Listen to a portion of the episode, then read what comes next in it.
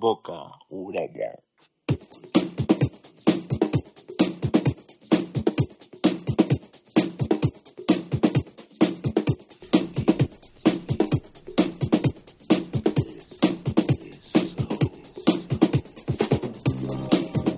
Hola, bona tarda, benvinguts i benvingudes a un nou Boca Orella, el programa editorial d'aquesta casa de Boca Ràdio.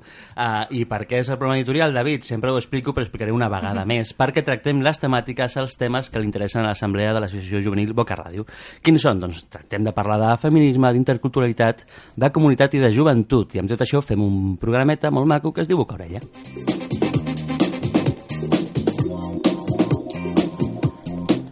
Sempre em passa que em desconto amb els números del programa, però, però no, no ho diré i això, és- així són per sempre més, són eterns, no cal dir quin número i quina data estem. Um, el que sí direm és que tenim aquí a l'altra banda de, de l'estudi el locutor suplent. Ei, ei. Com està? Hola, hola què tal? Com va? Oh, Hola, què tal? Tot, tot correcte, locutor suplent? Tot perfecte. Endavant. Tenim aquí al costat a l'Alba Lejide, molt bona salva. Hola, molt bona nit. Ja feia temps que no venia i tenia ganes ja. I a ve, avui ve amb material molt, molt, molt xulo. I el Néstor, a la meva esquerra, molt bones, Néstor. Bones, què tal? Néstor, que ve de, de Tangencial, que estan preparant la Fira Flix, però ho explicarem millor al nostre eh, sumari.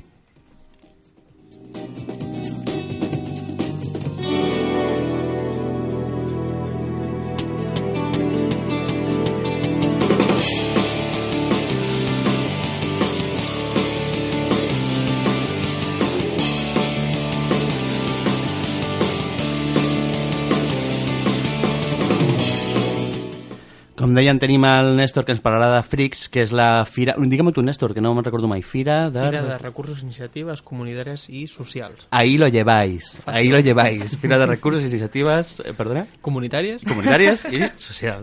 Eh, me lo aprenderé, para, para otras entrevistas me, me- me lo aprenderé. Fantàstico. Eh, parlarem de, de què faran, quan ho faran, qui ho farà i de la nostra més que possible participació a, a aquesta fireta.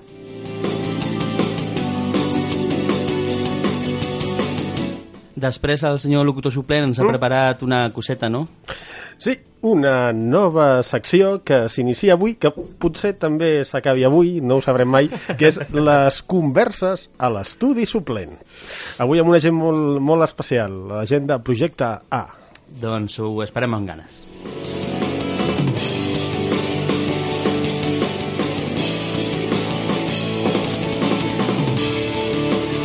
I també l'Alba Lejide, que deia al principi que ens portava cosa bona, ens expliques així per sobre.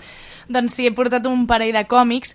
També m'agradaria que això s'allargués i que en futurs programes eh, això tingués una continuïtat, a veure si és possible. Eh, porto feminisme, però a tope. En, en vena. I, I feminisme en formato visual, que a la ràdio és una mica, pues tiene lo suyo, ¿no? Eh, porta feminisme en blanc... Eh, com és, com és aquesta expressió? Negre sobre blanc, no? Ai, eh, sí. Vull dir, o són en color. Bueno, una sí, l'altra és bicolor. Bueno, en qualsevol cas són còmics amb temàtiques, no? Que, Exacte. I amb un missatge, que això és el que ens agrada, que no només sigui un atractiu visual, sinó que el que s'explica tingui sentit. I també perquè el que s'explica ha de tenir sentit, avui tenim, si no m'equivoco, triple sessió de música amb segones. Sí, avui no tindrem un músic o un artista que ens presenti la seva cançó suplent que l'ha marcat... Ai, la cançó suplent, que estic dient? La seva can... la música en segones que l'ha marcat més, sinó que nosaltres tres, que estem aquí avui conduint el programa, la senyoreta Alba, en David i servidora de vosaltres, serem els que hem triat tres cançons eh, amb segones, tres cançons força diferents, però això sí, amb missatge. Molt bé, doncs passem a la nostra primera entrevista.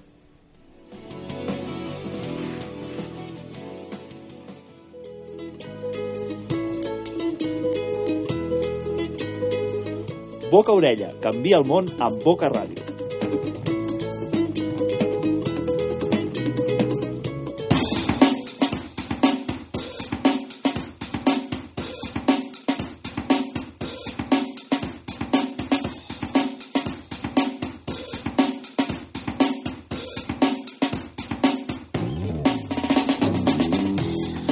Molt bé, teníem aquí al costat del Néstor. Molt bones, com estàs? Bones. Molt bones de nou. Eh? Que jo és que presento tres o quatre cops per programa. Bueno, està bé. Així quedem més en família, Sí. saps? Ja hem parlat al micro, ja, ja podem parlar amb, amb calma, que ens presentarà una mica la seva entitat tangencial, el que estan construint, i, i més en profunditat una, eh, la Fira Flix de- d'aquest any, que ja és, Néstor, quina? La tercera edició. Ja és la tercera edició, eh? déu nhi Sí, sí, sí. Com ho munteu des de tangencial, o més aviat, què és tangencial? Explica una mica. Bueno, Tangencial el que som ara mateix és un projecte de cooperativa, d'iniciativa social, i el que treballem és per capacitar la població en general en temes de, de digitalització, fabricació digital, cultura maker, tot allò d'impressores 3D, robòtica, què es pot fer, no? Perquè ens venen moltes vegades com una cosa que, que no acabes d'entendre, que sí, és molt guai, dius, "Ah, que xulo una impressora 3D, i per què la faig servir? Exacte. Nosaltres el que busquem és contestar aquestes preguntes i, bueno, ens dediquem a això i des de fa un temps vam decidir amb la gent d'aquí de, de, Bo- del Boca Nord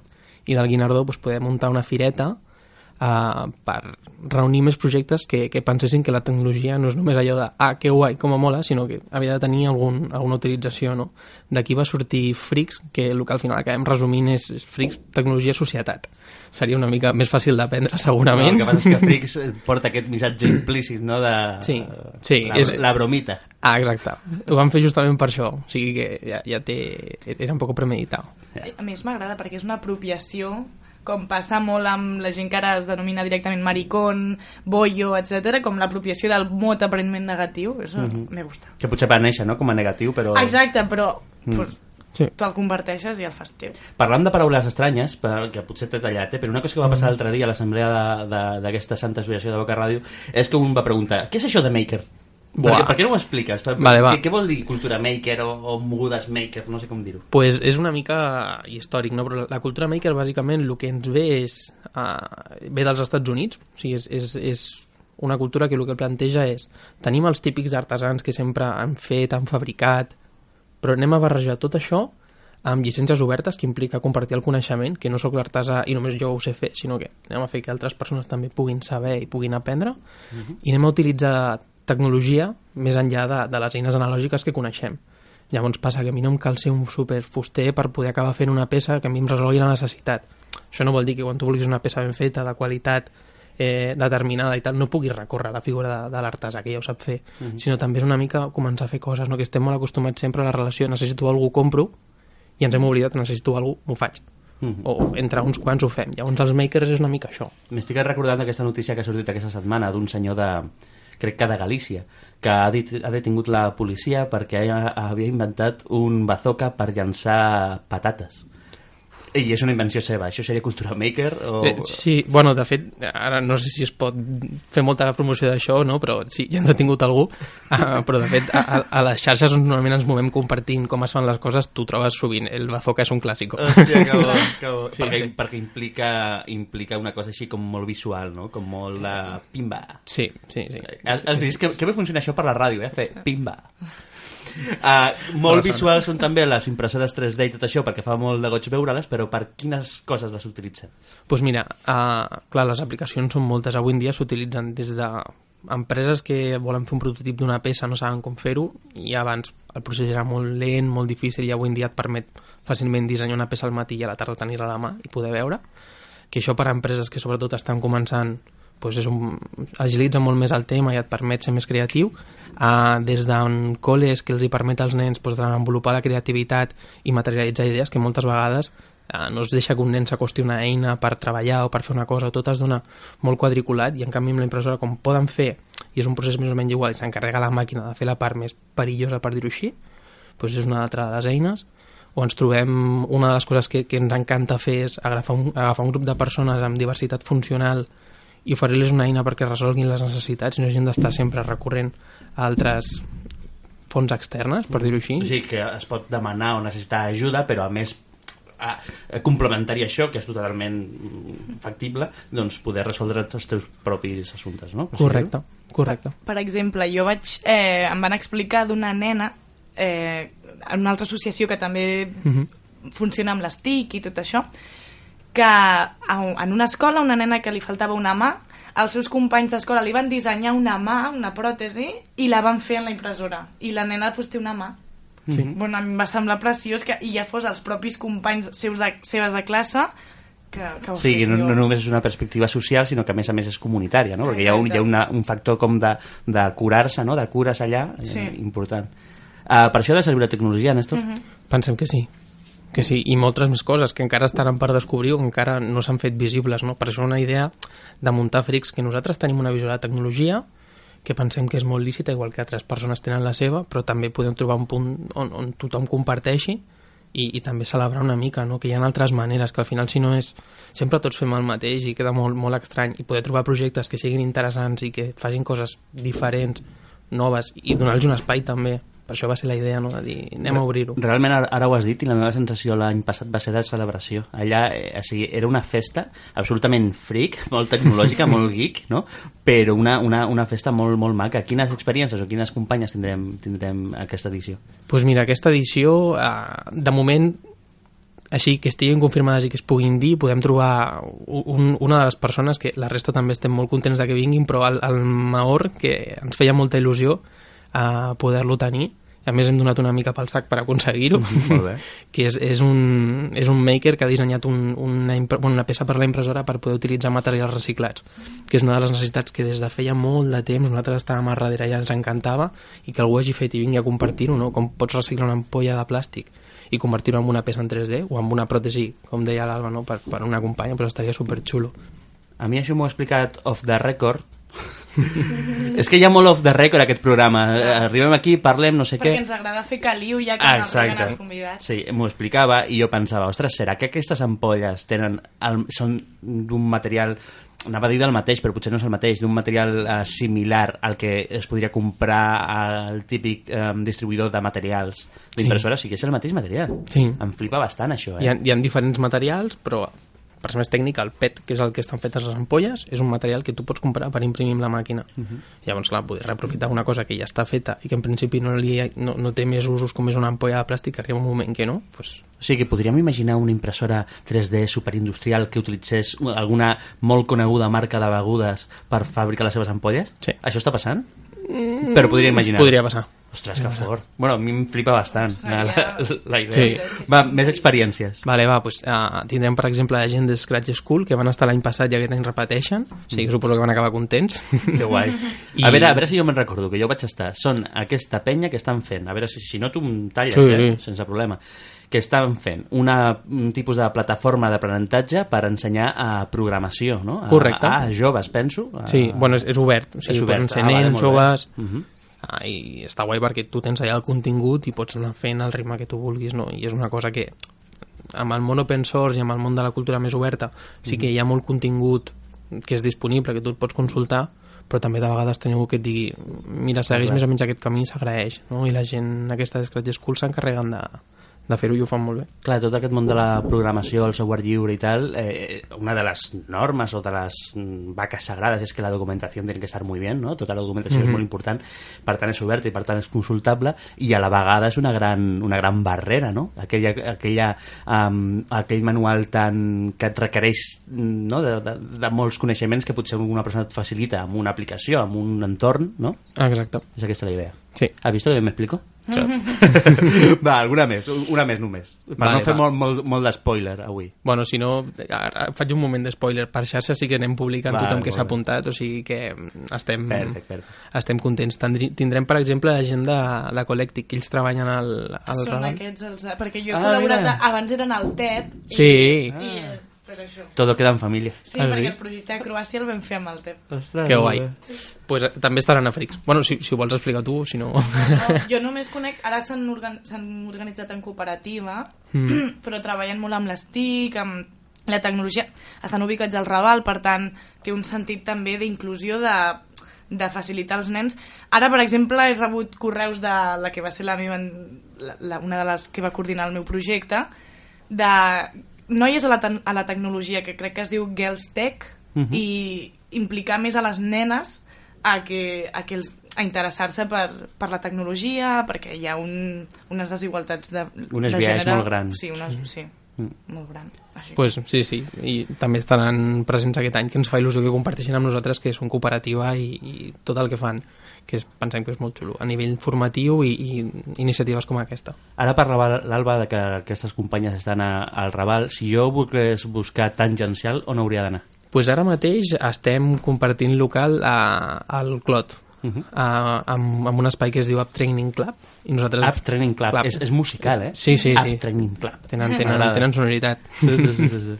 pues ara mateix estem allà, que qui es vulgui passar, de, estem gairebé tots els dies. Tenen sonoritat i tenen, tenen espai, no? Perquè teniu molts trastos, imagino, Sí. per, per tenir allà.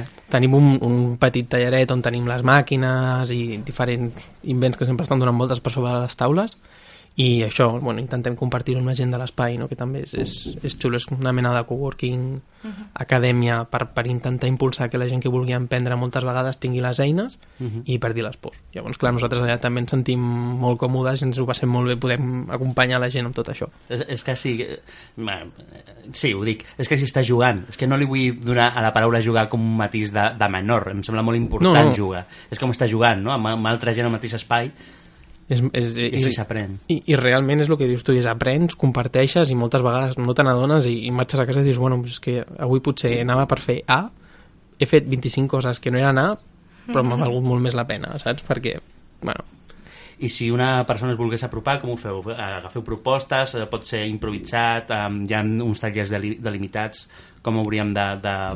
Si ens volem introduir en aquest mundillo. Pues, si us voleu introduir des de fer-nos una visita a l'espai qualsevol dia que estem, sempre intentar contactar abans, tenim el mail, la web, tot això de tangencial, està al contacte, i és només dir, estareu pel local, sí, et passem la direcció i ja està, Guai. o si no, pues, mm, passar-se i ja està. La web seria tangencial... Punes. Punes. Info, o sigui, és, és tangencial Punes. I el Vale. correu és info arroba tangencial Punes. No tiene tampoco. Perfecte, i per saber més info, quin dia tindrem la Frix? Pues Aquí mira, a la Rambla del Carmel, eh? A la Rambla del Carmel. Home... Aquest any repetim. Queda en casa. Sí. si ens escolta la Patri, pobra.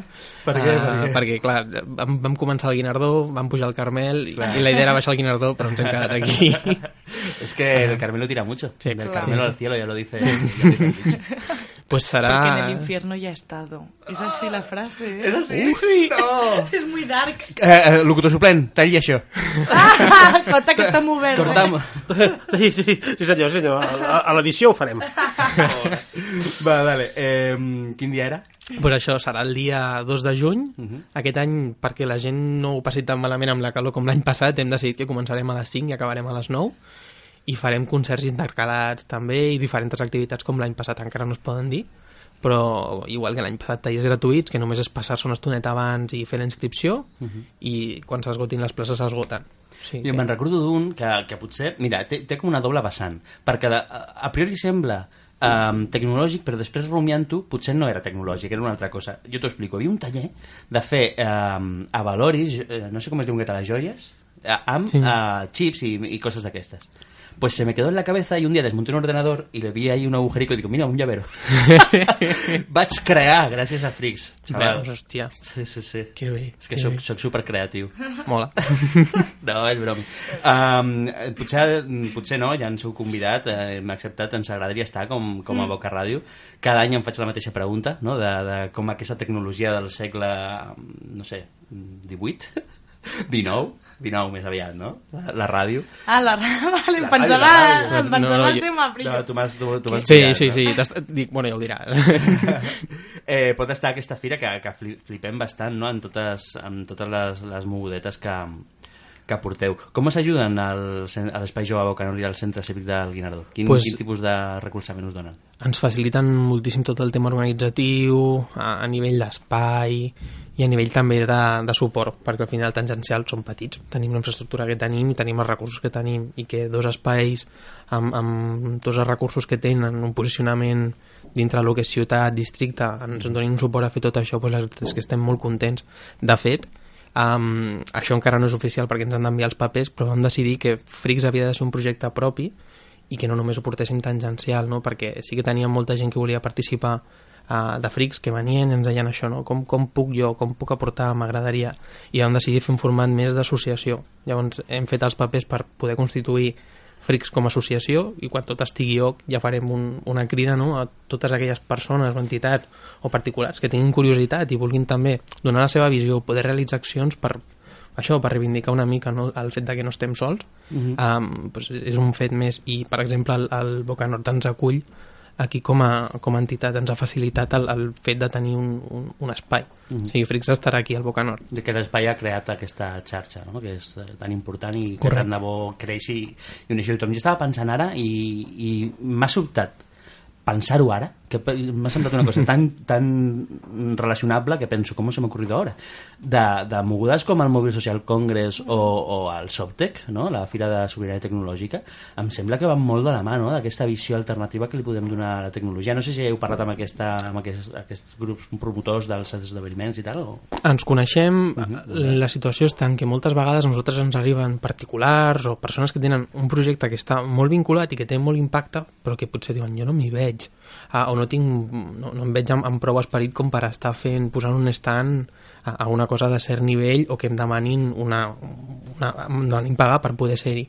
Llavors, clar, la gràcia de Flix és també poder donar visibilitat a aquests projectes i també donar-los una xarxa, no? De fet, de moltes vegades allò, quan tu estàs treballant en un projecte i, i perds una mica al nord i, i estàs dia rere dia, t'oblides una mica de la xarxa.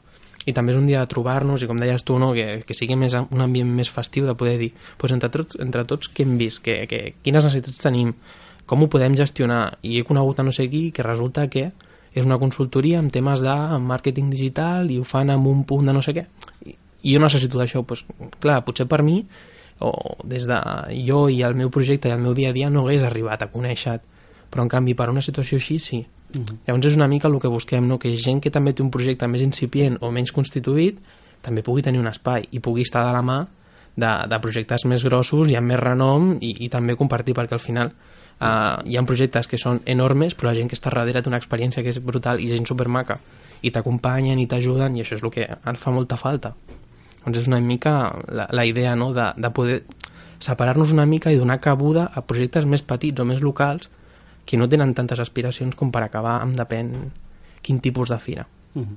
Doncs per conèixer, per fer xarxa i també per la festeta, us convidem el 2 de juny a les 5 de la tarda a la Rambla del Carmel, no, Sí. Néstor?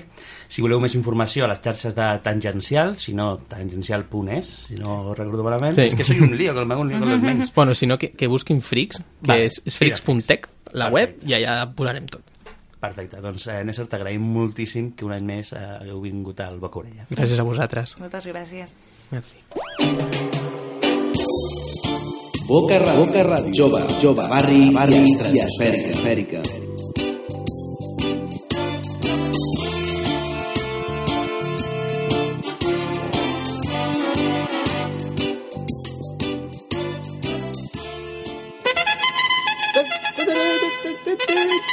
I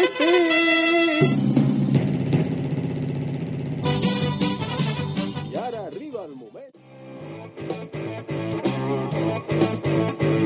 Ara arriba el moment del locutor suplent. Bé, no, no, no Eh, eh. del locutor suplent no, sinó del senyor David, que avui serà el primer protagonista de música amb segones o cançó amb segones. Però avui ens posarà la càpsula fins a tres cops, senyor locutor suplent. Ja sé que és potser una tortura, però Sí. com la primera no, no ha acabat de sortir bastant No reeixidament passa el, el tema, doncs intentarem fer una segona vegada. I si no Jo ho aconseguim, doncs ja està. Vull escoltar-la després. Uh, I la cançó que avui he portat per escoltar també és una mica fric, penso jo.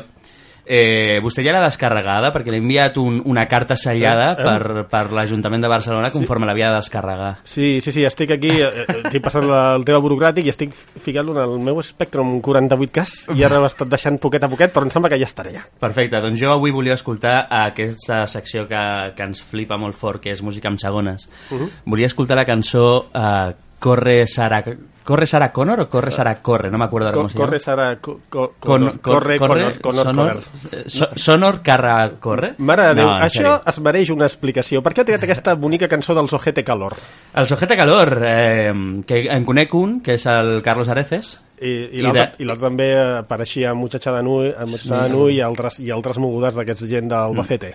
doncs m'agrada molt, o sigui, penso que té una segona lectura aquesta cançó de Corre Sara Connor que ara escoltarem per diverses coses que m'han passat aquestes setmanes. Una, una d'elles és que estava una, una barbecue, no era una barbacoa, era, era una calçotada. Passa que tenen la mania de, ja que fan calçotada, fer carn després. No, ma no, mania no, és absolutament necessari, No, és, és, és, de, és de justícia. Absolutament en contra Sí, d'aquesta idea. Una calçotada ser un carn després. No, molt malament. Però és igual. El cas es que lo típico que estás por ahí y ves de repente dos guitarras dispuestas, ¿no? Como diciendo, ven y tócame, no? Amb, amb, molt bona, amb molt bona idea de la, de la persona que ens rebia, no? I, i recordo que havia una gent tocant, jo també, eh, estaven tocant quatre cosetes i una, una persona deia ah, ostras, ¿cómo me gustaría saber tocar? Y yo le dije, tío, pues si esto es muy fácil. I aquesta cançó que, que escoltarem em fa pensar que fer música també pot ser fàcil, no? que de vegades els músics, les persones que es dediquen a la música, tenen com aquella, aquell aire de només jo sé fer música i, i la música penso que també s'ha de popularitzar en aquest sentit, no només d'anar i tocar la cançó del Ferlosio, que això seria popularitzar perfectament la música, sinó a més que tu, amb 3-4 acords que són ben senzills amb una guitarra pots fer música, igual que ho podries fer amb altres coses. Primera idea que em suggereix aquesta cançó, la idea que la música pot ser per tots i per totes. La segona idea Uh, va venir aquesta setmana perquè amb la Cati, que ja ha començat el seu programa de K-pop, K-ràdio, no? eh, parlàvem de, de la música, de, de com altres tipus de música són possibles, de com ella posa la música coreana pop en relació a la música tradicional coreana, un, un, una idea molt maca. I de sobte, a l'assemblea de Boca Ràdio van començar a parlar del reggaeton, no? I, i va sortir aquella cosa de "Ah, el reggaeton, tal. I jo penso moltes vegades que quina culpa té la música de les lletres que li posen i també aquesta cançó de Corre Sarah Connor em fa pensar en això, no? De, de qué culpa tenía esta, esta canción, que te puede gustar la música, de la letra que le ponen, que en aquest cas és super absurda, evidentment m'encanta, però diguem-ne que no seria una cançó... Eh, bueno, eh, que és de cachundeig, que és una, una paraula catalana que, que existeix, cachundeig. sí, muy triste, lo sé. I, i eh, només aquestes dues idees, eh, aquestes dues idees me les ha, pensant avui a casa fent la, la siestita de antes de llegar a, al Boca Orella, eh, pensava en això, no? De, de que la música es pot popularitzar i que podem cantar sobre el que vulguem i que en tot cas no serà culpa de la música. I ja està, con esta chapa eh, imperdonable, eh, si voleu escoltem aquesta cançó de Ojete Calor, Corre Sarah Connor. Vous écoutez Voca Radio, la radio associative de Barcelone, faite par des personnes qui vont tisser en lien entre les communautés.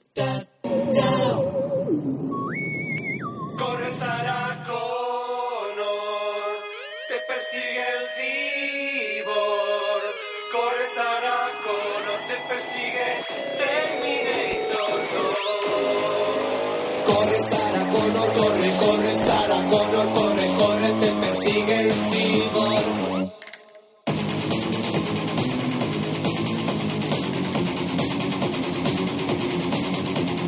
Viene del futuro y es de metal blando. Ya van dos que pillas, ya te estás hartando.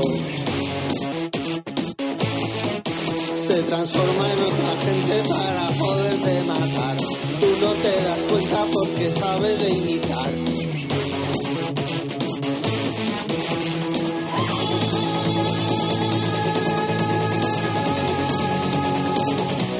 Corre Sarah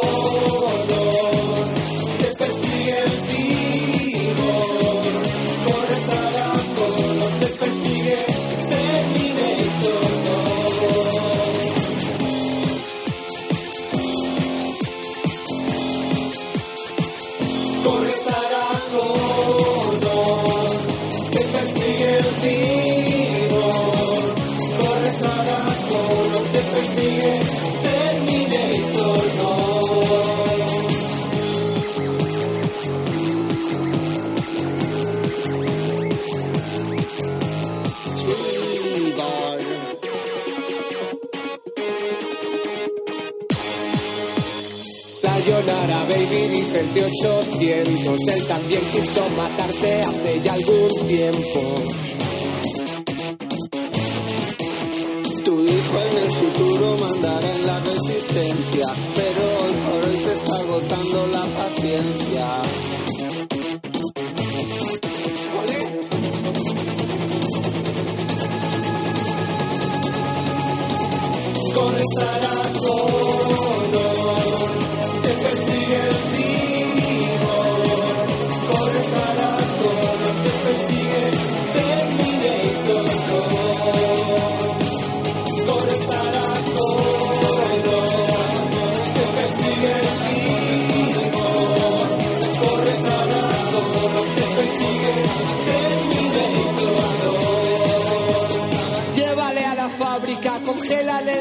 hidrógeno. Regrésale al futuro, aunque sea paradójico. En la 1 estabas gorda, en la 2 en forma, en la 3 no sales, eso ya no importa. Dolor, te persigue el vigor.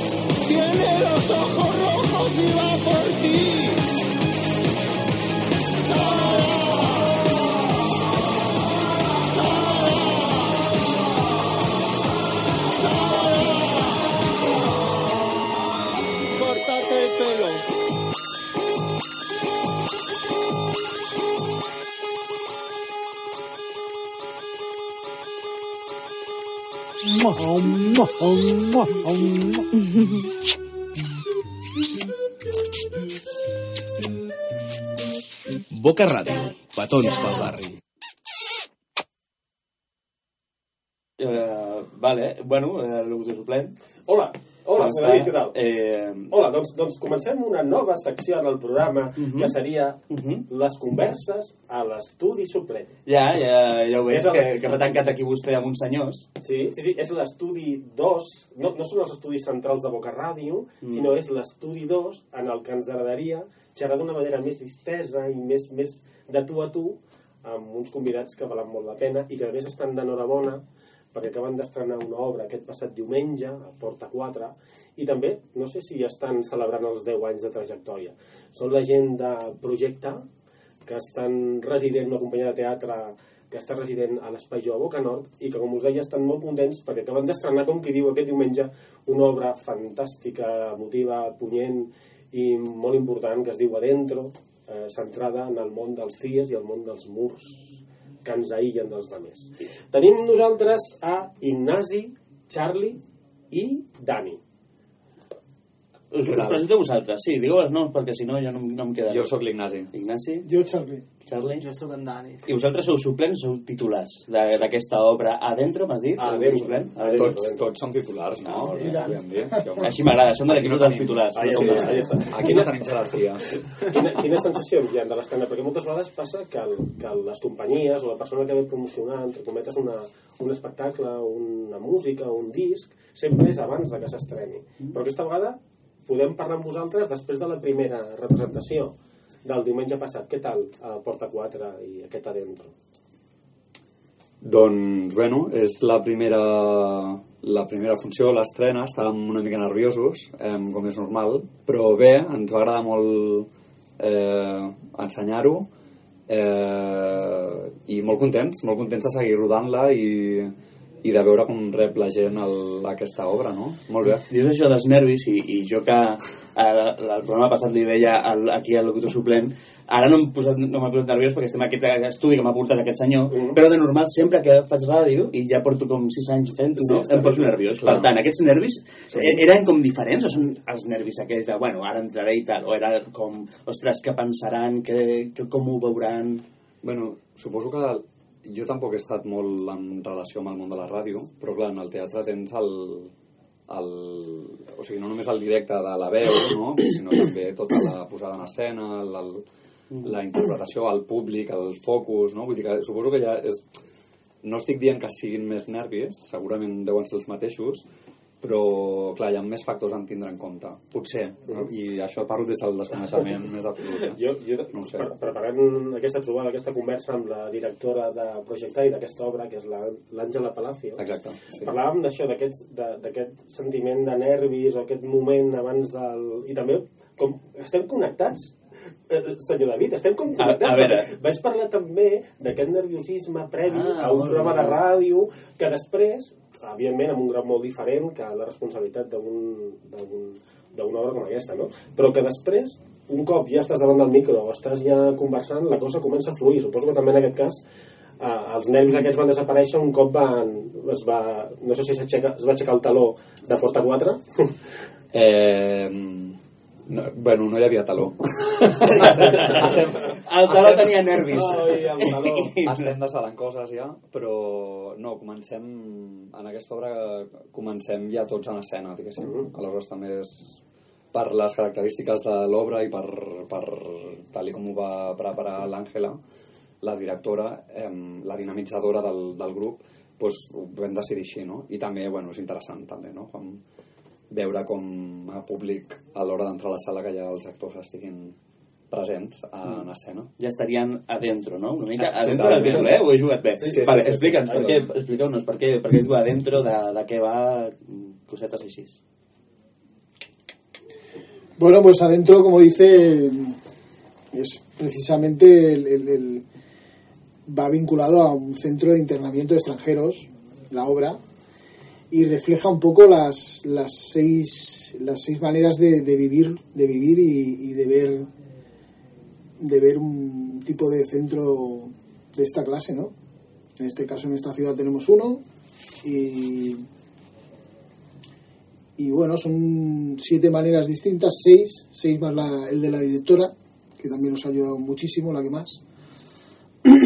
y bueno, es un poco pues eso, es desde el inmigrante que está, que llega y se encuentra después de lo difícil que es llegar aquí, te encuentras con todas las barreras y con, y con todas las piedras en el camino, a, a la misma policía que, que gracias a, información que nos ha llegado de, pues, pues esto de policías que han trabajado aquí se demuestra una parte humana que, que a veces normalmente eh, no la vemos es la policía por desgracia pero mm, pero en este caso se ve. Cuesta pero se ve. Y bueno pues incluso el trabajador hay gente que trabaja ahí dentro eh, la gente, algunos que tienen más que son más racistas o sea es- Sí. está, está muy bien. En... No sé si parla en català o en castellà. Com vulguis. Doncs a la, en el, a l'obra de teatre som sis els actors que estem eh, fent diferents personatges, som tres homes i tres dones. Aleshores, eh, diguéssim que sí que a l'hora d'escriure aquesta obra hem intentat ve, ve, de, ve de fet de fa... És a dir, l'obra tant li com està ara eh, eh, ha, ha, ve d'un procés, no, també. Jo, precisament, quan aquest primer projecte es va arrencar, eh, que és el que ha portat a, a fer l'obra tal com és ara, jo no hi era, jo estava fora. Però sí que potser vosaltres us sabreu explicar millor, no?, de com, quin era l'event que es va fer aquí a, al Boca Nord, també. Lo del tema del barco de gasa, us en recordeu? Ho estàvem mirant abans? Sí, bueno, el, el tema comenzó cuando el, nos pusimos en contacto, bueno, se pusieron en contacto con nosotros el, eh, un barco de, de una ONG que, que ayuda a Gaza. Y a partir de ahí, con una, en una colaboración con, con Boca, hicimos unas, unos pequeños cameos, unas pequeñas cositas muy breves y una de ellas fue sobre el CIE, sobre un CIE, sobre el, el- el hecho de los CIEs y a partir de ahí fue como nos decantamos perquè aquesta obra dintre és una obra de creació pròpia em dius que des de fa aproximadament un any que va ser el, la, la primera llavor del que seria aquesta obra, no? Aquest procés més o menys durant aquest any? inclús més, diria. Sí, eh, un jo any, crec que any i aquest, mig. Mm? Any, any i mig. I- i dos anys, Sí, també. perquè la col·laboració aquesta és de... Jo penso que de l'octubre de fa un parell d'anys. I a partir d'aquí, com vau decidir? Diguéssim que en, en aquest parell d'anys que, van, que el grup de projecte va, va fer aquesta proposta aquí al Boca Nord amb, amb aquesta ONG que estava doncs, eh, protestant per al desembarcament d'aquest vaixell i tal, que el projecte va fer, va fer com diferents propostes i una d'elles treballava sobre el tema dels CIES i arrel de, de que la temàtica ens va semblar molt interessant que amb, que el propi grup, de forma horitzontal, eh, va decidir treballar una mica més amb aquesta temàtica, no? I d'aquí que en aquests, en aquests dos anys mirant enrere hem anat um, treballant amb aquesta idea treballant una mica amb els personatges. Ha sigut una mica un procés bastant llarg perquè hi ha, hi ha projecte, sempre ha sigut un grup molt, eh, molt dinàmic eh, i precisament per les, aquestes característiques que té, que és molt, molt horitzontal i sempre intentant fer les coses des d'aquesta hor- horizontalitat, eh, molts cops aquest, el compromís que requereix el grup és molt, fa molt difícil que la gent eh, hi estigui de forma continuada durant molt temps. No? I precisament per això eh, que s'ha tardat tant de temps també en, en construir l'obra tal i com l'estem presentant ara. Sí que el que deies abans, que parlàvem abans de començar l'entrevista, que havíem... Off the record. Off the record. Off the record. Oh, oh, oh, oh, oh.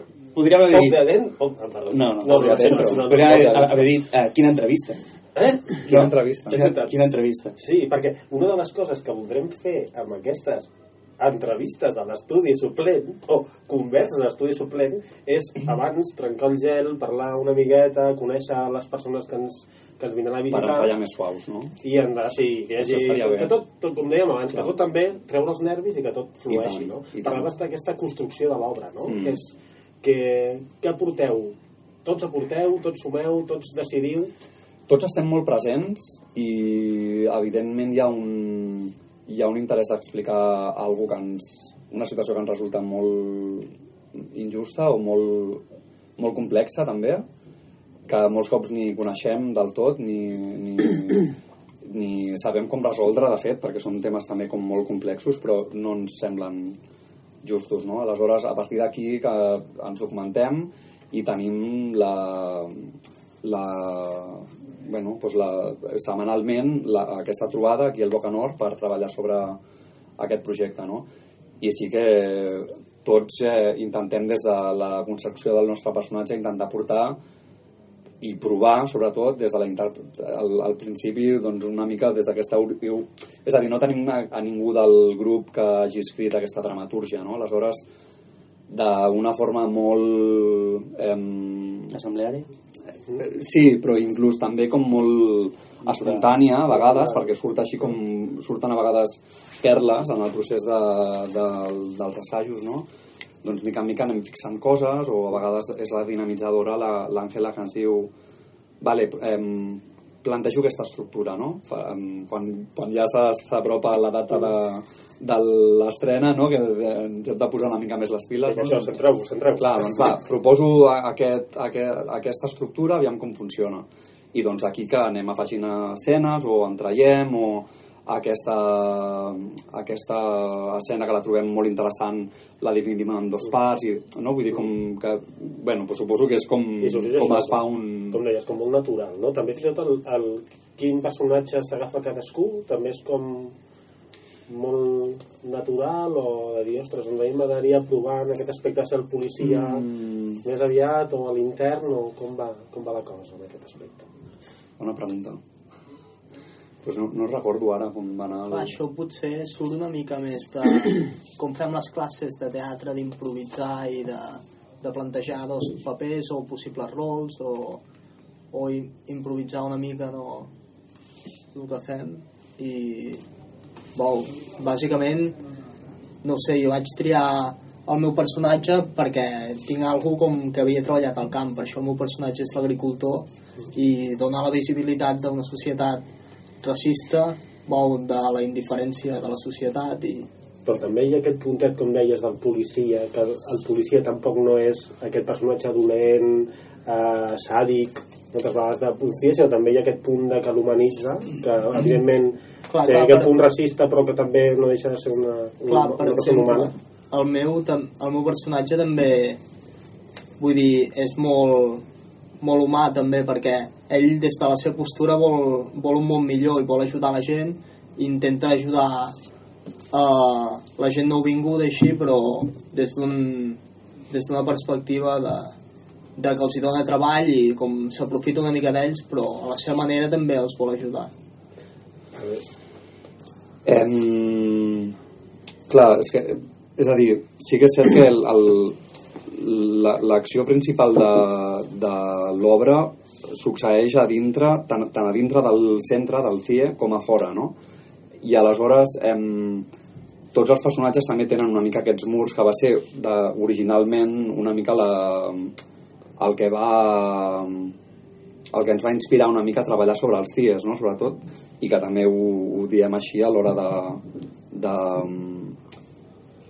mm, de presentar una mica l'obra, és a dir, eh, si tenim aquests centres actualment a, a, a Espanya en aquest cas, i, però a Europa també, perquè hi ha, hi ha els murs dels Estats Units, i a, bueno, a tot arreu, és també en part per aquests murs Interior. interiors que tenim com, com a individus, no? I, i que no deixen de ser una prolongació, per dir-ho d'alguna manera, o una materialització a nivell més social de, dels murs o de les pors que puguem tindre com a persones, no? Eh, I és per això que cada personatge també té doncs, la, les seves contradiccions o el, el seu cantó més bo, més lluminós, més fosc, o que- no? que és tot com molt polièdric, no? de fet, no, no és tot blanc o negre, és tot com un matís de grisos.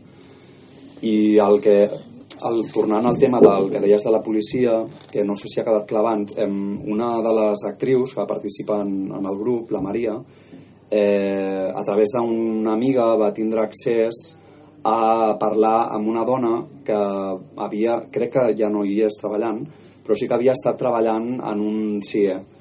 Ella segueix sent policia nacional, però crec que va ser durant 3 anys que va estar treballant en un CIE. I arrel d'una...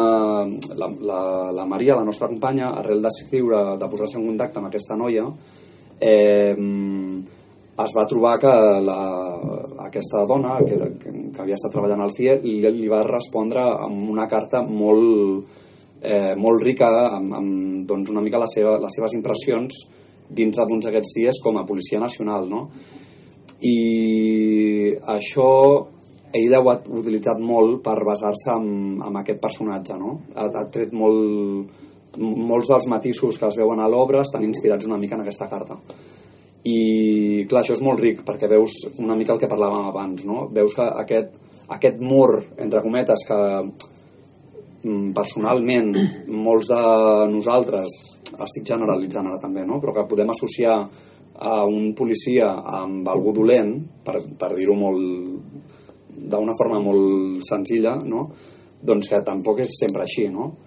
o que inclús en el, en el relat de, en, en, en el transcurs de l'obra no? que es parla també que com a policia estan treballant allà et trobes molts cops en què quan estàs fent inspeccions en, en les habitacions o les cel·les diguéssim de, de, dels interns puguis trobar objectes eh, per, que estan fets a mà per, amb intenció de fer mal clar, nosaltres també podem, ten, podem tenir aquesta associació de immigrant com algú més desvalgut o, o part d'una població més eh, amb una situació menys favorable, diguéssim, però després també veus aquesta altra banda que, que també hi ha un afany de per la situació en la que estan, eh? També això és molt complex, és molt complex, estic pensant que quan et treuen la teva llibertat per una falta Exacte, administrativa, exacte. jo el mínim que faria és preparar un material. Exacte, o sigui, exacte. no? és molt complex, és molt complex. Bueno, jo penso que és molt senzill, de fet. Però- Eh, vull dir, quan et priven de la teva llibertat per faltes administratives, el mínim que fas, penso jo que És és, defensar-te. sé, sé que és copsant, però... És Sí, sí, és així. I, i també, mm, també ho entenc. Però des de la... O sigui, ara posa't amb la perspectiva d'aquest treballador que està intentant fer la seva feina com a policia, Sí, no? és que jo estic en contra del concepte de professionalitat. És una cosa molt personal meva. Jo estic en contra del sentit de la professionalitat.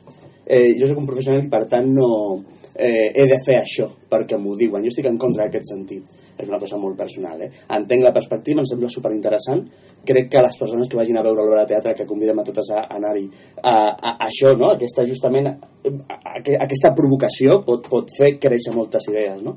Però el fet de ser un professional, eh, els banquers eren professionals quan signaven hipoteques. Feien el que havien de fer. Això, és molt seriós. Clar.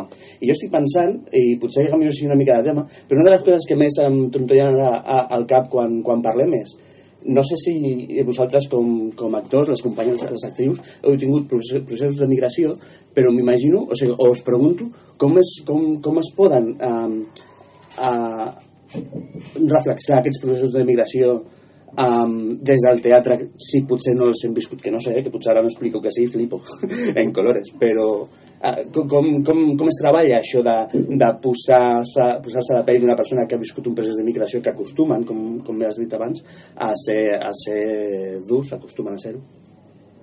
Pues nosotros en este caso nos hemos intentado informar a, a través de documentales, hemos estado en algunas charlas y, y bueno, o sea, en mi caso, por ejemplo, lo que ha dicho aquí el compañero, ¿qué, te- qué os llevó a ser cada personaje? En mi caso, mi padre, mi padre eh, vino de Marruecos. Hace, yo tengo 45 años, pues mi padre llegó aquí pues, cerca de 50. Entonces yo lo llevo dentro de mí. Hay algo dentro de mí que es, soy medio africano.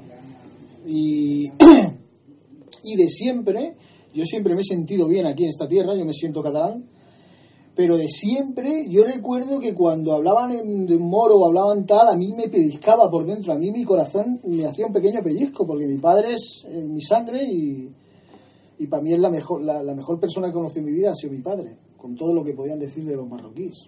Jamás he conocido ninguna persona más buena, con un corazón más grande. Incluso todas sus amistades me lo dijeron, después de fallecido. Entonces, eh, pues lo que hablamos, ¿no? Todo esto cada uno lo lleva dentro de una manera y de, o de otra, ¿no? Y pues te, te- te- a mí siempre me ha, ¿sabes? A mí siempre me ha hervido un poco la sangre cuando he visto una injusticia, cuando he visto unas malas miradas, cuando he visto una, ¿sabes? Y cuando he tenido compañeros de otros países, africanos o tal, de trabajo, yo a veces yo te he hecho alguna aportación, digo, cuidado, no os equivoquéis, ¿eh? esta gente tiene unos valores que ya le gustarían a la mayoría de aquí. Porque yo he tenido compañeros de trabajo que me he quedado alucinado de, de- que es, no, esto es así por esto, por esto y por esto. O sea, nos pensamos que, y cuidado, ¿eh? que nos, nos dan un repaso cualquier persona que viene de fuera a la mayoría de que, que somos de aquí. Además tengo la sensación, eh, también insisto muy personal, de que muchas veces estas personas que hacen procesos de migración con todo lo que eso comporta a nivel humano, eh, no quiero decir su, se- su seriedad, pero sí su madurez, que no tiene por qué ir de la mano, ¿no? Pues una persona muy madura y muy vital y muy alegre, ¿no? No tiene por qué ir de la mano de ser serio, pero esa madurez se refleja en esos valores. A veces lo he sentido, no sé, desde mi ignorancia absoluta, ¿eh? Pero decir, bueno, no es solo que mm, evidentemente vienen de una cultura rica, etcétera, bla, bla, bla, todo el rollo, sino que además que ese proceso te transforma y te, te hace, te hace, por necesidad, mirar el mundo de otra manera. Pues seguramente haya una vez en que la- no, sale mal y yo qué sé, yo no sé la estadística, ya me entendéis, no quiero ser tampoco como todos flowers y no, no se trata de esto, se trata de que, de que cuando eso, pues ves las cosas desde una perspectiva mm, de, de opresión evidente desde mi punto de vista, pues te, te transforma, ¿no? En esos valores. Sí, esa- totalmente. De hecho, mi personaje se transforma en la obra y...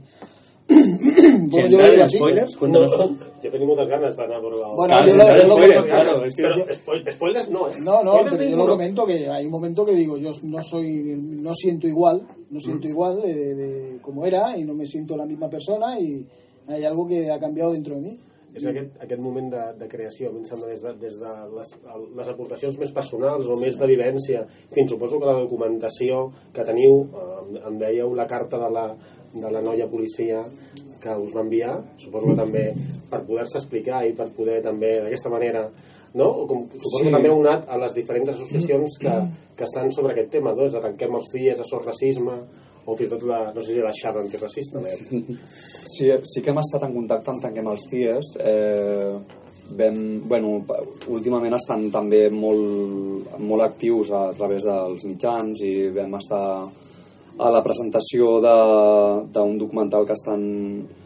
No sé si Tanquem els CIES està també col·labora, diria que sí, eh, col·laborant amb Metro Munster de l'Idrissa Diallo, que ens va semblar molt interessant la presentació eh, tenim moltes ganes de veure l'acabat ja perquè, bueno, perquè és, és, és, està tot molt vinculat també, no?, una cosa amb l'altra i, bueno, doncs sí, ve- veient, veient aquestes eh, aquests, eh, aquestes activitats que estan fent, doncs, evidentment era com una una un lloc on anar de referència, no? perquè evidentment hi ha molta informació a internet, hi ha un munt de, de curtmetratges o de, de documentals que són, ja, fan, ja fa bastant que estan rodats. També la, la realitat d'aquests centres ha canviat molt en els últims anys. Eh, de fet, una de les noies de... No sé si era de Tanquem els Dies, també ens deia que bueno, ens, ens ha ajudat una mica a revisar el, el guió no? i, a, i a corregir-nos alguna, eh, informació que no era molt acurada, no?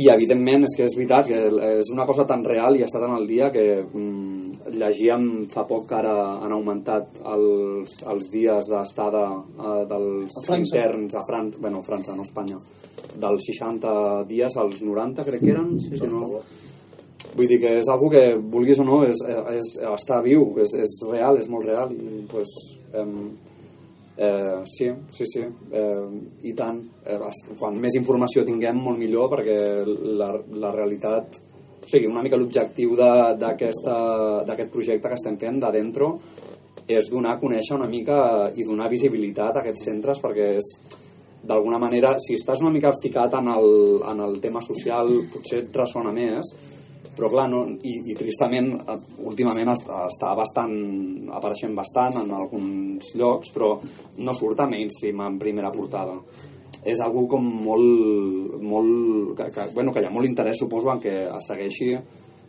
estan en una segona línia, no? que no hi hagi tanta visibilitat, que la gent no conegui què és això, com passen els interns a la seva estada allà, quines situacions hi han.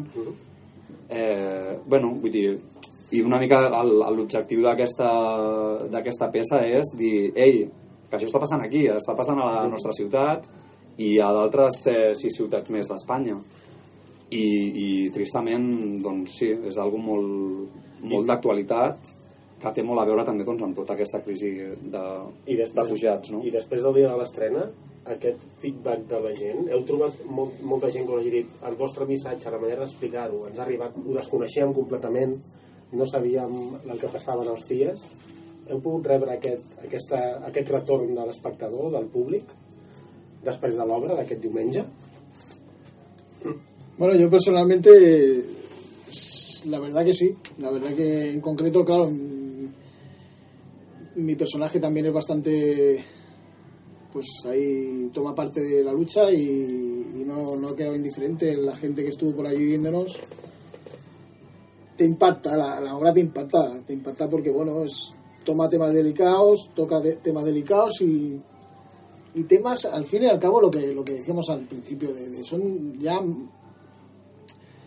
más muros que tenemos cada uno de nosotros. En este caso está ambientado en el tema del CIE, pero todo esto no olvidemos que salió de, de- de- de- de los muros que, que nos creamos entre, entre todos nosotros, entre... Pues fíjate, mira, ahora eh, antes estaba recordando cuando, cuando comenzamos con esto, eh, yo hice un, yo el solo que hice cuando se hizo esto, eh, mi solo era con dos compañeros de piso. O sea, era con la- con- como compartía yo mi vida, que de hecho comparto mi vida con dos compañeros de piso, y como un poco eh, vives entre comillas con dos desconocidos, que no es así, pero entre comillas era así. Y luego otro de los de los de las de las del- de, los papeles que se trabajó fue el, el de la pareja andaluza y el catalán, ¿vale? Entre que se hacía había un choque de culturas ahí brutal, ¿vale? Y luego estaba el, el otro tan interesante que era el de los temas de las, de las tecnologías, ¿vale? La, la típica escena... Mira, el otro día estuve cenando en casa de unos amigos y de verdad que lo que me encantó, estuvimos hasta las 3 de la mañana, estuvimos 3 horas o 4, yo creo que fueron más bien 4, y no salió ni un móvil en aquella mesa. ¿Qué, qué cosa más extraña? No salió, ¿eh? pues de... Pues, A ver si mejora este- el tiempo oye, y se fue a los yo este- 80. yo este sitio- De verdad, de verdad que yo lo, yo esta casa no yo voy lo a que- ir yo se lo, yo se lo comenté, yo le comenté, digo, mira, ha estado genial, porque fue la primera noche que iba a cenar con esta pareja. Y he estado genial, he estado- digo, pero digo, lo que más me ha llamado la atención es que no hemos sacado ni el móvil en las cuatro horas que hemos estado sentados. Y, eso no me, me dejó, no me dejó indiferente, me, me- me llamó la atención. Como diciendo que ese diálogo tiene que ser posible, ¿no? El- el- el- Las cosas que no están en medio, o sea, entre lo que nos enseña la prensa del mainstream, lo que la prensa alternativa trata de sacar a la luz y, y la capacidad que tengamos o no de dialogar, están pasando muchas cosas, ¿no? Yo, yo hacía muchos, muchos años, muchos años que, en una, que no pasaba tantas horas en una mesa y, y nadie sacaba un móvil. O sea, Sin tanto muro, ¿no? muchos, muchos, muchos Aquí, años. digamos que aquí se, se reventó los muros, ¿no? Se abrieron los Sí, muros. entonces un poco es, es el tema que es... Al final nos, nos decantamos, los CIES era otro de los temas. Ajá. Querías hablar también de, de, de esa No, incomunicación. pero, pero realmente el tema fue los muros, todo esto coincidió con los refugiados y, y entonces salió los CIES como podía haber salido cualquier otro tema. Doncs estem parlant amb Projecte, que acaben d'estrenar aquesta obra dentro a Porta 4. Feu una mica d'autobombo, quan... Suposo que no només és aquest dia, hi haurà més dies per poder gaudir de l'obra. Quan, quan podem veure a primera fila coi, a, a? Eh, a Porta 4 tornem a tindre funció El 29? aquest proper diumenge, que és 29 Aquest diumenge, de- d'abril, estem encara Sí. a les 4, 8 i mitja, eh? el 8 i mitja del vespre Sí. Eh, so, aleshores, diumenge 29 a les 8 i mitja i aleshores el, dintre de dues setmanes, el divendres 4, dissabte 5 i diumenge 6 de maig, eh, hi ha dies que és a les 8 i mitja, d'altres que és a les Divendres i dissabte a saps 9 i mitja 9 i mitja, i, eh? i diumenge... I el diumenge una hora abans, a les 8 i mitja. I això em deies que Porta 4 està, el, està a Gràcia, al barri de Gràcia. Sí, a prop de la plaça Virreina, Uh -huh. al costat. carrer del Bisbe. Carrer Església. Carrer Església, exacte. Uh -huh. Doncs ja, ja ho sabeu. Ja he controlat tot. Hi ha possibilitat, hi ha possibilitat de pròrroga o hi ha possibilitat de veure Estem, un altre espai? estem, estem en vistes ara de buscar altres sales, em, però encara no podem confirmar res. Tenim una data tancada el, El 8 de juny. el 8 de juny al Centre Cívic del Guinardó, Fantàstic. però tenim ganes de seguir buscant llocs perquè sí. tenim moltes ganes de seguir-ho rodant i que, bueno... I evidentment és que s'ha és que s'ha de veure. Exacte, És una obra que és, una realitat que, bueno, pues que no tothom pot anar a la presentació de, fantàstica d'aquest docu de Metro Monster o de veure pues, aquests docus que hi ha aquests, Bueno, en qualsevol cas és una altra experiència, no? I, i Bueno, clar, és- exacte, transmetre altres coses, veure exacte, persones, totalment, no? totalment. O sigui, és, és molt, molt... És enriquidor tot, però sembla que el teatre, no? Si Bueno, el teatre és més real, no? Potser és- estàs allà està, veient-ho Està la i- persona allà, exacte. no? Potser té un valor més, sí, sí. humà diferent. Doncs abans d'acabar aquesta primera edició, deixi'm dir-ho així, amb Vale, vale. pompo i guato, aquesta primera edició de les converses a l'estudi suplent, una de les coses importants també que estan de celebració la gent de projecte és que feu 10 anys. Sí. Al, alguna manera de celebrar algun, algun fiestón en, en perspectiva? Doncs mira, la veritat és que no... És curiós, eh? Perquè vam, vam celebrar els 5 anys eh, aquí al Bocanor I com celebrareu? Amb i peu? amb el 10 Per favor, encara... per favor. Bé, és que suposo que estem tan abocats amb el tema aquest de, de l'estrena i de les funcions que sincerament no... Ni, ni, ens en vam recordar l'altre dia, no? En plan, hòstia, que ja és el darrer aniversari. Ui, fem 10 anys! Doncs sí, eh, sí. jo proposo passi al, al Bocanor amb festa inclosa al bar del Bocanor. Doncs mira, és, és, una, una, és, una, és una, és, seria una bona. Una gran Una- proposta. Apunteu. Per això vostès... El titular, clarament. perquè vostè té les idees, senyor David. Aquesta era fàcil, no diré res perquè era molt senzilla. Doncs tenim, doncs hem, opció i tant. hem tingut uh, la primera... Deixi'm tornar a dir. Digue, digue, digue, digue. La primera edició de les converses a l'estudi suplent. Falten petards i, i llums de... Bé, ara li poso, ara li poso uns efectes, no. Veieu com també bé tenir actors per veure Clar, coses? Hem tingut en Charlie, l'Ignasi i el Dani, membres, components i actors de Projecte A, que estan Porta 4 en aquests dies, que ara m'he oblidat, senyor David, dels dies, pensava que és aquest diumenge 29. El 29 ja me'n recordava el 29. El 29, i I el- després el el 4, 4, 5 i 6 de maig i el 6 de juny I el 8 de juny. el 8 de juny, veu, Al al, centre cívic Guinardó. Ho tenia Doncs moltíssimes gràcies per venir, molts èxits, i, i com diuen al teatre, que és molta merda, oi, senyor Molta David? merda. Sí, sí, sí, senyor. Molta merda. Doncs moltes gràcies. Moltes gràcies. Gràcies.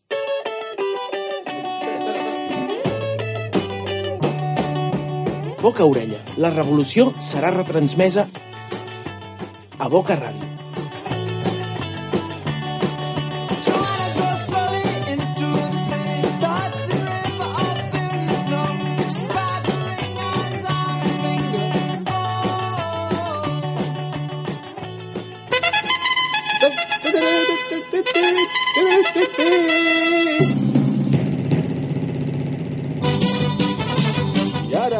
El moment del locutor suplent.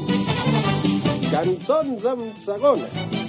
Per, per els homes i les dones. Cançons de molones. Les cançons en segones. Com aquestes. La la la la la, la la la la la, no, bella ciao, bella ciao, bella ciao, ciao, ciao, la la la la, la la la la. Tires fort per aquí i jo les tiro fort per allà. Segur que tomba, tomba, tomba. People have the power. People have the power. People have the power. Con otro pasas el rato, vamos a ser feliz, vamos a ser feliz, felices los cuatro. Te agrandamos el cuarto.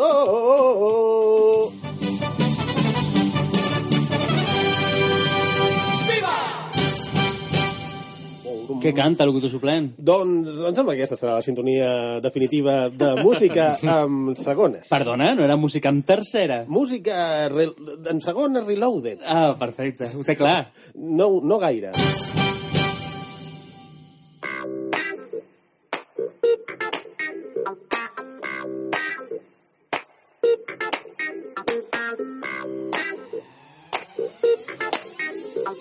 Pam,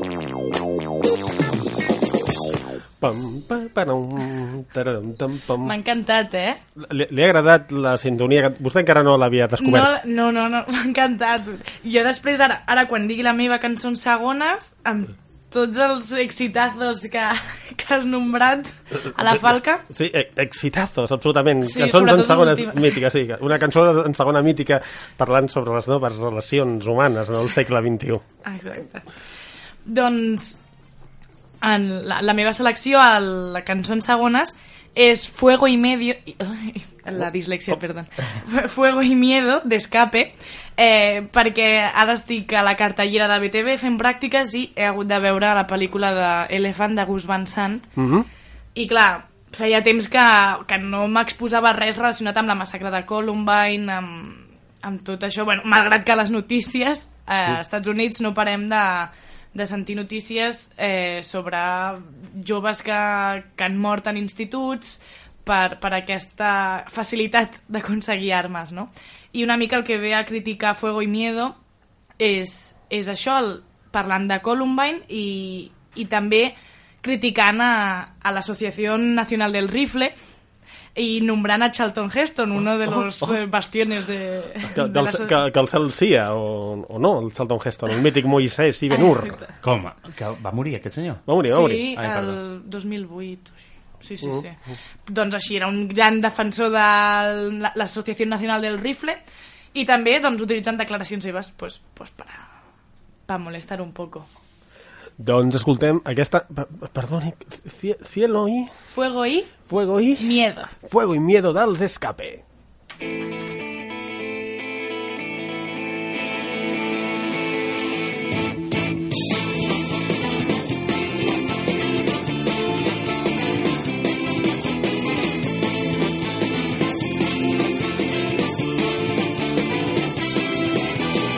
quien educó su mente siempre soñó con la gran pantalla, ser el mejor, disparando un arma como su héroe de acción.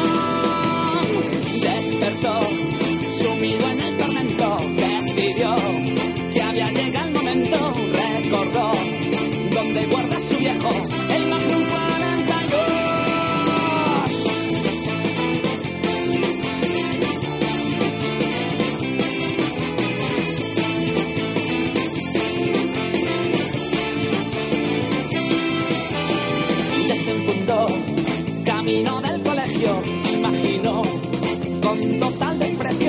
de los cuerpos muertos tendidos alrededor. Cargado de odio y rencor, el gobierno sus manos armado,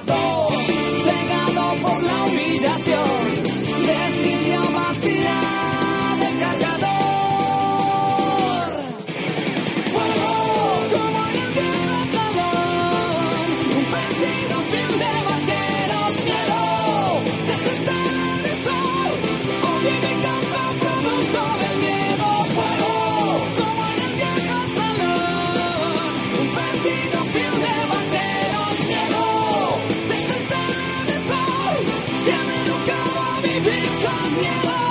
Charlton Heston y su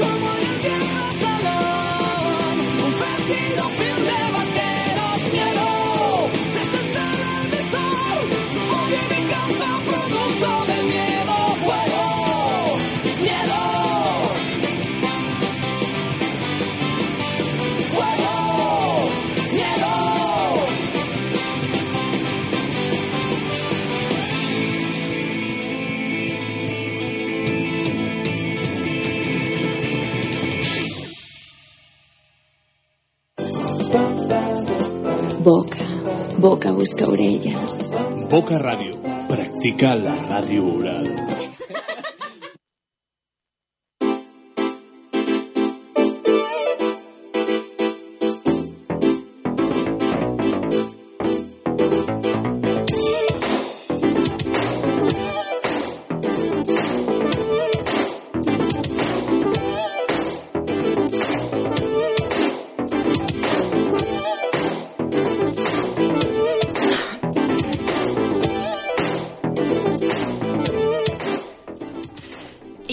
Continuo amb, amb aquesta secció on parlo de, de còmics. És la primera, o sigui, l'he anomenat jo secció perquè... És perfecte. I mm, perquè vaig anar al Saló del Còmic, eh, representant Boca Ràdio, això sempre, Vamos. i, i vaig tenir l'oportunitat de... vaig explorar una mica sobre el terreny i em vaig fer amb, amb diferents còmics, eh, evidentment d'una temàtica important com és el feminisme, i són dos diferents perquè un sí que és una distopia clara, futurista, on, on hi ha un patriarcat clar, l'altre és una espècie de memòries d'una jove que té 22 anys, té la meva edat, i quan, quan em va firmar i em va fer el dibuix li vaig dir tenim la mateixa edat i mira lo que has hecho I, tu. I aquest pedazo de totxo, no?, que ja s'ha ja escrit. Exacte. I mm, doncs volia començar amb aquest, amb aquest totxo que és de Tilly Walden, que me'l vaig acabar, re, ahir o abans d'ahir, i, i també aprofitant que demà és el dia de la visibilitat lèsbica, que és el 26 d'abril, aquesta obra que es diu Piruetes eh, va de la Tilly Walden, de l'escriptora dibuixant, que ella va estar, diria que uns 12 anys patinant sobre gel i, i parla una mica de, de la hipersua, hipersexualització que, es pat, que, que pateixen les patinadores dins aquest món, com també hi ha masclisme en tant que són conscients que quan hi ha un patinador masculí so, destacarà de la, Mhm. eh, de la resta, dius, inclús en un món aparentment femení, clar, hi ha, també destaca l'home perquè no és el normal, no? Perquè, ostres, Que, que valent que és, que ell Exacte. fa ball de, no?, aquest tipus de coses. Exacte, destaca inclús en un terreny que no és el seu.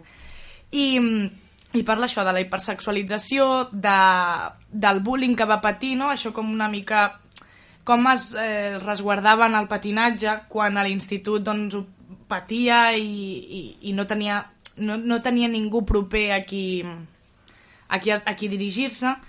I també el fet de sortir de l'armari perquè a mesura que va anar creixent explica l'obra que, que, que el patinatge es va anar convertint com en, un, en una espècie d'obstacle perquè ja no el gaudia, perquè ja preferia fer altres coses, perquè descobria que més enllà del patinatge, que en un moment sí que li va servir, doncs, doncs ara tenia altres entorns, volia explorar altres coses i... I un fet curiós, que això, això no sé si ho vaig llegir, la- l'artista no va dibuixar, clar, perquè ella això pasa, en el momento que eres lesbiana, eres autora lesbiana y ahí Ujú. te quedas, ¿eh? Eso clarísimo. I ella va, va dir que fins que ella no va sortir de l'armari no va dibuixar res relacionat amb la homosexualitat, perquè li semblava una manera, fins que jo no surti públicament no té sentit que dibuixi personatges que potser no es corresponen amb, en el, amb el meu moment vital, potser, o, o que diguin unes coses que potser jo no, no hagi donat el pas. I això em va, sen- em va, ser, em va semblar interessant en aquest aspecte perquè relacionava molt, o sigui, feia com més seu el dibuix. I aquí sí, aquí surt de l'armari perquè va d'ella i, i també parla de l'assetjament sexual que, que, un moment quan estàs llegint t'absorbeix la lectura però hi havia vegades que, que mentre llegia deia no, un moment, però és que tot això li ha passat a ella i ho passes molt malament perquè dius, és que l'he tingut davant es veia una persona genial i, i Que, estem... tant de bo fos ficció, no? Vols dir? Exacte, perquè dius, és que no s'ho mere... bueno, no mereix ni ella ni ningú. Mm. I, i, s'exta- i t'exposes d'una manera brutal, no? El fet de, doncs, publico això. A part d'altres obres que haurà fet. Tres idees que se'm venen al cap. Mhm. La primera, que els mitjans de comunicació són molt cu- culpables, no?, d'això de, Mhm. de com és lesbiana fa còmics lesbians, no? És una mica... Sí. Ens passa molt sovint, penso, no? Sí, i tant, i tant. Això a la literatura lèsbica passa moltíssim. Eh, tu ets una autora i ets lesbiana i dona la casualitat que escrius mm, novel·la amb temàtica lèsbica, bueno, ahí ja t'has quedat i, i no se't treu d'allà. I això és un problema també. O moltes actrius que, com, com són lesbianes, fan papers lèsbics i potser abans de sortir de l'armari no els hi passava. Això a la Ellen Page. Sí, estava pensant justament en ella. Y dios, pues si, si soy actriz sé hacer de todo. Si me he estado liando con hombres hasta, Hasta ahora, ahora. sé hacerlo. Igual que si me pone una mujer. Clar. Però... L'altra cosa és que al principi del programa jo estava parlant de negre sobre blanc, però veig que és lila sobre És lila, blanc. és és lila. un llibre molt, molt, molt Sí. maco en aquest sentit de... de... Sí, sí. És una mica diferent, no? O sigui, Exacte, sí, utilitza aquesta bicromia, eh, però lila, que potser és més... Mm. Bueno, ja queda bé amb el fons, amb el patinatge i tal, queda encara més... I lila feminista total. Total. Sí. I la tercera cosa, aquesta portada que m'encanta, que no sé com la descriviria, però són com unes noies fent una posició de, Sí. de patinatge artístic a una pista sobre gel, on totes miren cap a un costat menys una d'elles, no? Que mira cap al contrari. Exacte. I, I potser quan, quan et planteges amb 22 anys fer una cosa autobiogràfica que fèiem off the record la brometa de, clar, així seguro que t'acuerdes, no? Sí, fa, molt de, exacte. fa molt poc temps que ha passat, per tant te'n recordes, però és sobretot una capacitat de mirar d'una altra manera a la teva vida. No sé, tu has sentit això llegint el llibre, que Doncs- mira d'una forma diferent? Doncs la veritat és que sí, durant tota l'obra veus que la Tilly eh, és lo típico, no, era una chica, era una chica diferente a las demás. Eh, sí, però perquè potser tenia un, una, una maduresa que no es corresponia a la seva edat i que, i que també jo m'hi he sentit identificada pel fet de que potser a ella li han passat unes coses que l'han fet madurar abans d'hora, que s'ha vist compromesa, i el fet de tenir la mateixa edat em permet a mi empatitzar molt amb, amb l'escriptora, bueno, perquè és, dic escriptora però és dibuixant, però és que ha fet el guió també, o saps? És muy Juana Paloma. I, um, I la veritat és que sí, és... hi ha una frase, perquè al final del llibre et parla una mica d'ella i, i et posa fotografies reals de quan fa patinatge i diu eh, me recuerda a cómo en las clases de inglés del instituto hablábamos todo el tiempo de las intenciones del autor. Y solía preguntarme si alguna vez hubo algún autor que no tuviera intenciones, que las encontrara sin querer. Creo que yo soy ese autor. Eh, clar, és el, fet, és el fet de... Ella explicava que mentre dibuixava, mentre feia la història, eh, clar, va anar tractant temes com la hipersexualització de, de les dones que, que practiquen el patinatge artístic, i sobretot també, per exemple, aquest dibuix, quan ella mira cap a una altra banda, el patinatge artístic sobretot és molt d'anar en grup, tothom ha de fer el mateix, eh, has de tenir la mateixa expressió, o sigui, ha de ser tot molt harmònic. I quan, quan ja destaques d'alguna manera, pot ser negativa, positiva, és com que tothom ha de ser, que per un costat és bastante comunista, en plan, todos iguales, però, però aquí portat a un extrem, la veritat és que negatiu, i no se't permet doncs, mostrar qui ets realment o que, o que això afecti, la teva vida personal afecti el patinatge. I ella veus molt eh, com la seva vida personal l'afecta a l'hora de patinar. I clar, que, que no som aliens a allò que ens passa, vull dir que... Hi ha, una cosa, quan, quan venen les, els Jocs Olímpics, aquestes mogudes o altres competicions, quan fan, um, com es diu, sincro, no? A natació sincronitzada, Mhm. a mi em sorprèn moltíssim que les, les uh, professionals que estan nedant, fent la coreografia, a més han de, som, han de somriure. Han de somri... Això sempre. Això és puro patriarcado, no? I tant, perquè a més ella critica que els jurats sempre són homes. Mm.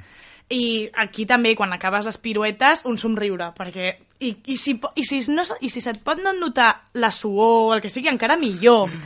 Eh, justament quan vaig anar a una conferència a la Tili amb un altre dibuixant feminista, la- l'altre dibuixant va posar una, va dibuixar unes calces tacades amb la menstruació d'una patinadora que quan va fer una pirueta tenia una taca. Bueno, això és... Com pots mostrar... I que, que no pot...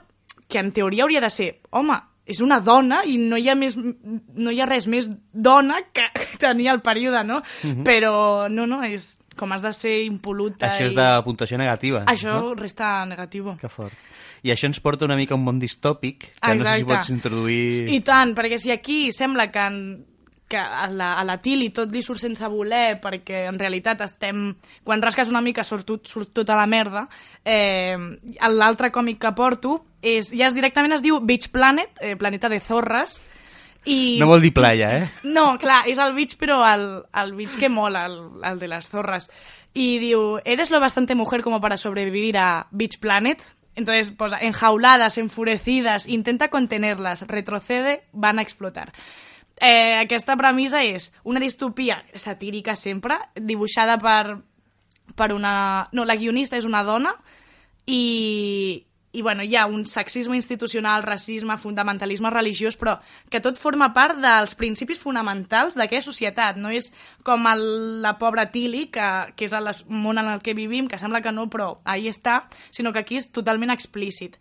Ja viuen en el protectorat dirigit pel Consell de, de Pares. Vull dir, ja és Los padres que te protegen de, de no ser... Eh, no? Exacte. Per tant, on, on molt, de manera molt estricta hi ha uns rols sexuals, uns comportaments molt definits, que totes aquelles dones que no entren en aquells cànons són les mujeres no conformes. Ja tenen com... O sigui, és com com en el nazisme, que et posaven l'estrella de David, pues tu eres mujer no conforme i per tant t'enviem al planeta de les Zorres, que és una colònia eh, penal, és una presó. Però en és un altre- planeta? De En un altre planeta, sí. Clar, clar, et porten lluny.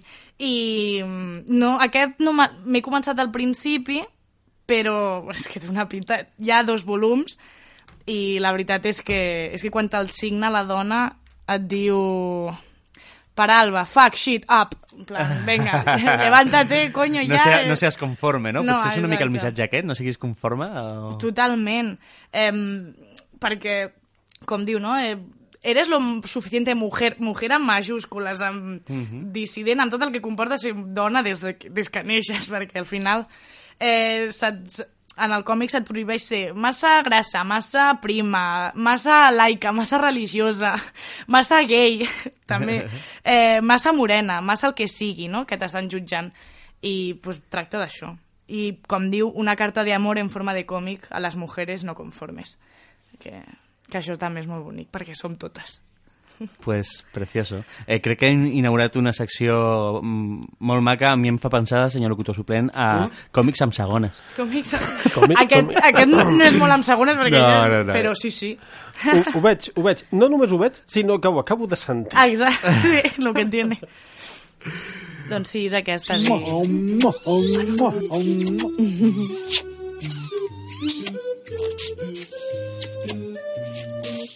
Boca Ràdio, petons pel barri.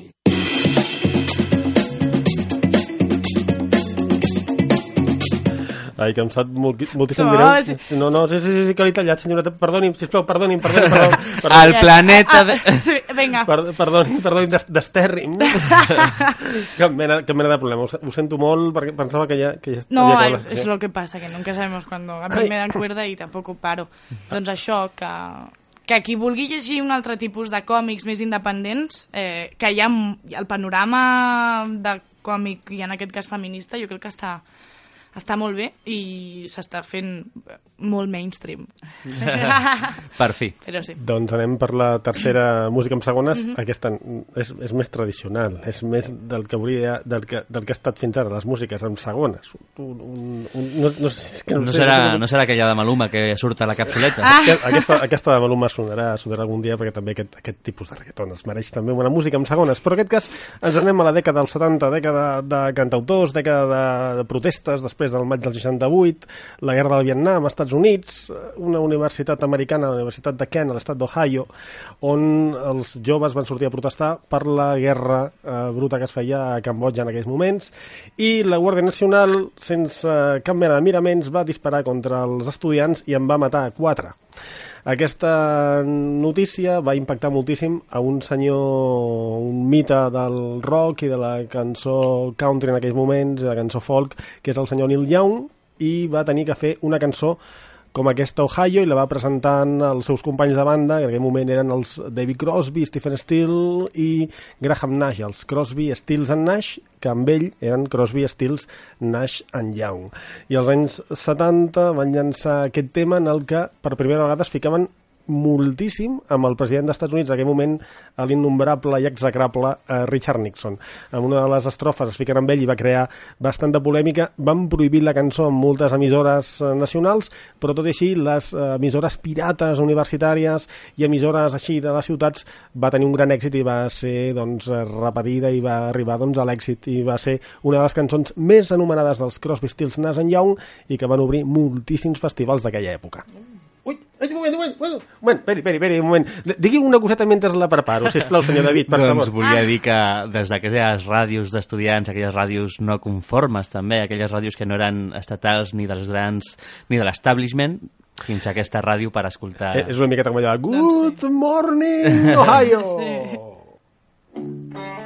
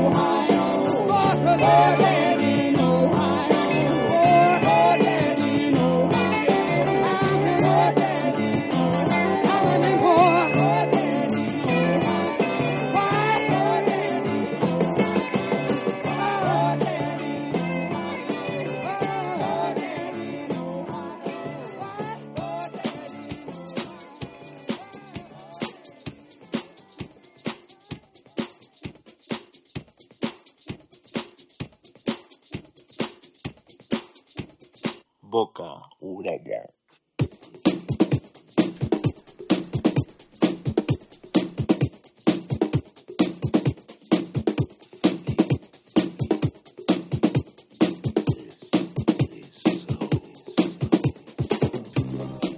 Doncs fins aquí el Boca Orella d'avui. Uh, hem tingut una mica de tot. Hem tingut aquesta secció de còmics feministes amb l'Alba. Gràcies, Alba, de veritat. No, home, a vosaltres. La, la primera de moltíssimes seccions que, es, port- que ens portarà l'Alba parlant de còmics. Aquesta és l'actitud, senyor locutor suplent. Pues sí. I també li he de dir que avui m'ha agradat encara més la seva càpsula de cançons segones. A mi m'ha encantat. Ja li va agafant el, el, Sí. el, el, el puntet, no? Sí, sí, sí, sí totalment. Aquesta també és la intenció. Volem agrair a la gent de Projecte i de, i de tangencial per haver vingut a parlar de les seves mogudes, us convidem a seguir investigant aquestes entitats, aquestes uh, coses que es fan des de diferents perspectives i ens trobem al següent Boca Orella. Dintre, dintre de dues setmanes, em sembla. Mm, no ho sabem, Quan sigui. random. Ah, sí, somos. Spoiler. Adéu. Adéu. Adéu.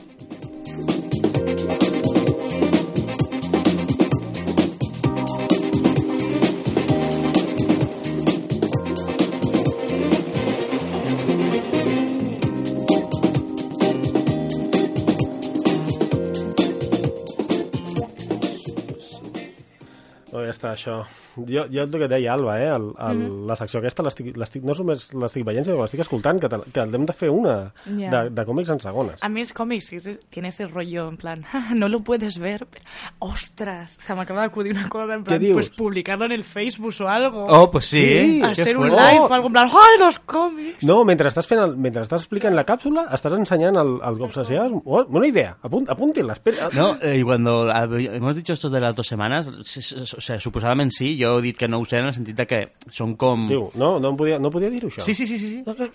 No, pero que, que es como que, como no manejo muy bien el tiempo, pero que estas moviditas de Mm. ahora un Facebook, ahora un no sé qué, que joder, es tan fácil de hacer y nunca lo hacemos. Yo Ya. que soy un perezoso con Facebook, ya lo sabéis. Doncs ho podríem intentar el, el, el pròxim còmic ensenyar-ho també en un Facebook Live, Pues també seria com interessant. Sí, sí, A jo més- crec que sí. A més m'han firmat mm, que, Home, vamos, contra que l'amor, de, no? de gozo. Sí, sí, sí. Ostres, doncs Vaig clar. fer totes les cuerdes. Oh, oh, ho estic veient, ho, ho estic veient, començant a, ensenyant primer la, la, la, la signatura i després doncs ensenyant el còmic, a la vegada que l'estàs explicant, no? Exacte. O, o, o, o- una altra persona, sí, com, jo mateix ensenyant-lo així. Clar, exacte. Sí, sí, sí. No? Quedaria força bé. Escolta, Jo- jo... són idees que hauríem d'anar... Sí, sí. Yo lo que queráis. Bueno, anem a fer la, la cerveseta Sí, aquí favor, al, al, al bar del Boca Que Nord. ja aquí és és? hora. Sí, sí, por favor. Doncs vinga, som-hi, Ah. anem-hi.